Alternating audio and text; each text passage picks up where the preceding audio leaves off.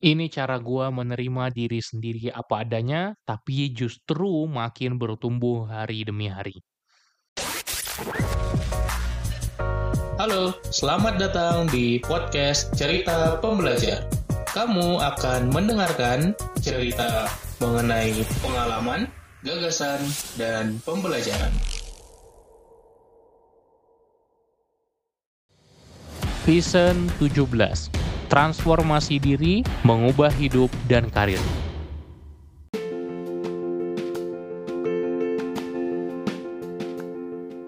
Berdamai dengan diri sendiri. Apa yang lo pikirkan saat mendengar kalimat tadi? Gimana cara kita bisa menerima diri apa adanya? Ini adalah personal transformation gue yang dulu gue nggak bisa menerima diri gue dan sebel banget setiap melihat hasil tes kepribadian gue adalah seorang introvert di tes kepribadian sebagian besar tes kepribadian dan cukup sedih karena gue ngerasa introvert tuh jelek. Ekstrovert itu yang bagus. Gue pingin dari itu terlahir jadi ekstrovert dan akhirnya nggak bisa menerima diri gue setelah belajar memahami menerima berdamai dengan segala halnya termasuk masalah-masalah dan trauma di masa lalu gue bisa menjadi orang yang yakin bahwa gue berdamai dengan diri sendiri dan menerima diri gue apa adanya. Gue tidak lagi komplain bahwa gue seorang introvert dan gue pengennya jadi ekstrovert. Enggak, karena gue tahu setiap orang punya karakteristiknya masing-masing. Setiap orang punya cara berpikirnya masing-masing. Setiap orang punya blueprintnya masing-masing. Dan emang udah dari sananya. Ya rezeki gue menjadi seorang introvert dan ternyata itu nggak jelek. Ternyata introvert tuh bagus banget, banyak banget potensi yang bisa gue kembangkan sebagai seorang introvert. Sebagai contoh, kalau di MBTI gue INTJ, kalau di Steven gue SI, Sensing Introvert, dan ada banyak lagi tes-tes kalau uh, lo pengen tahu bisa tanya di komunitas kita ya. Oke, sekarang yang gue benar-benar pikirkan, gimana ya cara gue bisa bukan hanya menerima diri gue, tapi juga bisa mengupgrade diri gue dari situ. Sehingga salah satu cara kita dalam mengenal diri memang tes kepribadian. Tapi ada banyak cara lainnya ya.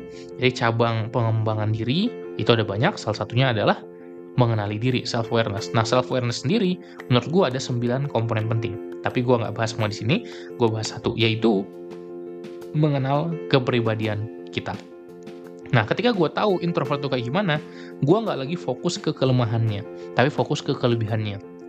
Apa sih kelebihan dan kekuatan seorang introvert? kelebihan dan kekuatan seorang thinking gitu ya dan itu semua membuat gue semakin berpikir oh ternyata diri gue tuh kayak gini loh yang benar-benar diri gue makanya gue seneng banget sama Steven atau personality genetic karena itu adalah lahir alamiahnya gue seperti ini yang bahkan beberapa nggak selaras ya antara Steven gue dengan MBTI gue tapi nggak masalah. Ternyata gue paham banyak sekali pengaruh lingkungan terhadap cara gue berpikir. Nah dari proses ini semua, gue bisa menerima diri gue dengan mencoba mengembangkan potensi yang memang gue jago di sana. Sebagai seorang sensing introvert, gue bener-bener cari tahu gimana caranya meningkatkan efisiensi dari apa yang gue lakukan. Karena setiap tipe kepribadian, apalagi kalau di Steven itu ada peran-peran utamanya.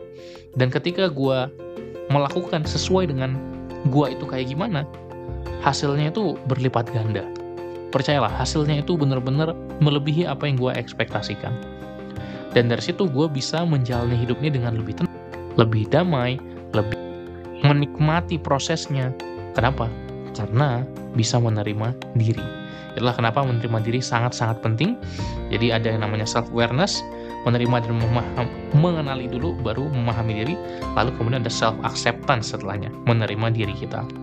Jadi kalau buat lo yang belum bisa menerima diri, terimalah, coba untuk lebih banyak mengenali diri lagi.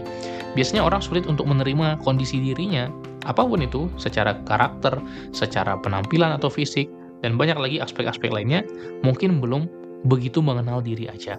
Mungkin belum tahu kepribadian, kekuatan, kelemahan, tujuan hidup, goals, values, principles, emotion, belum benar-benar mengenali diri sendiri.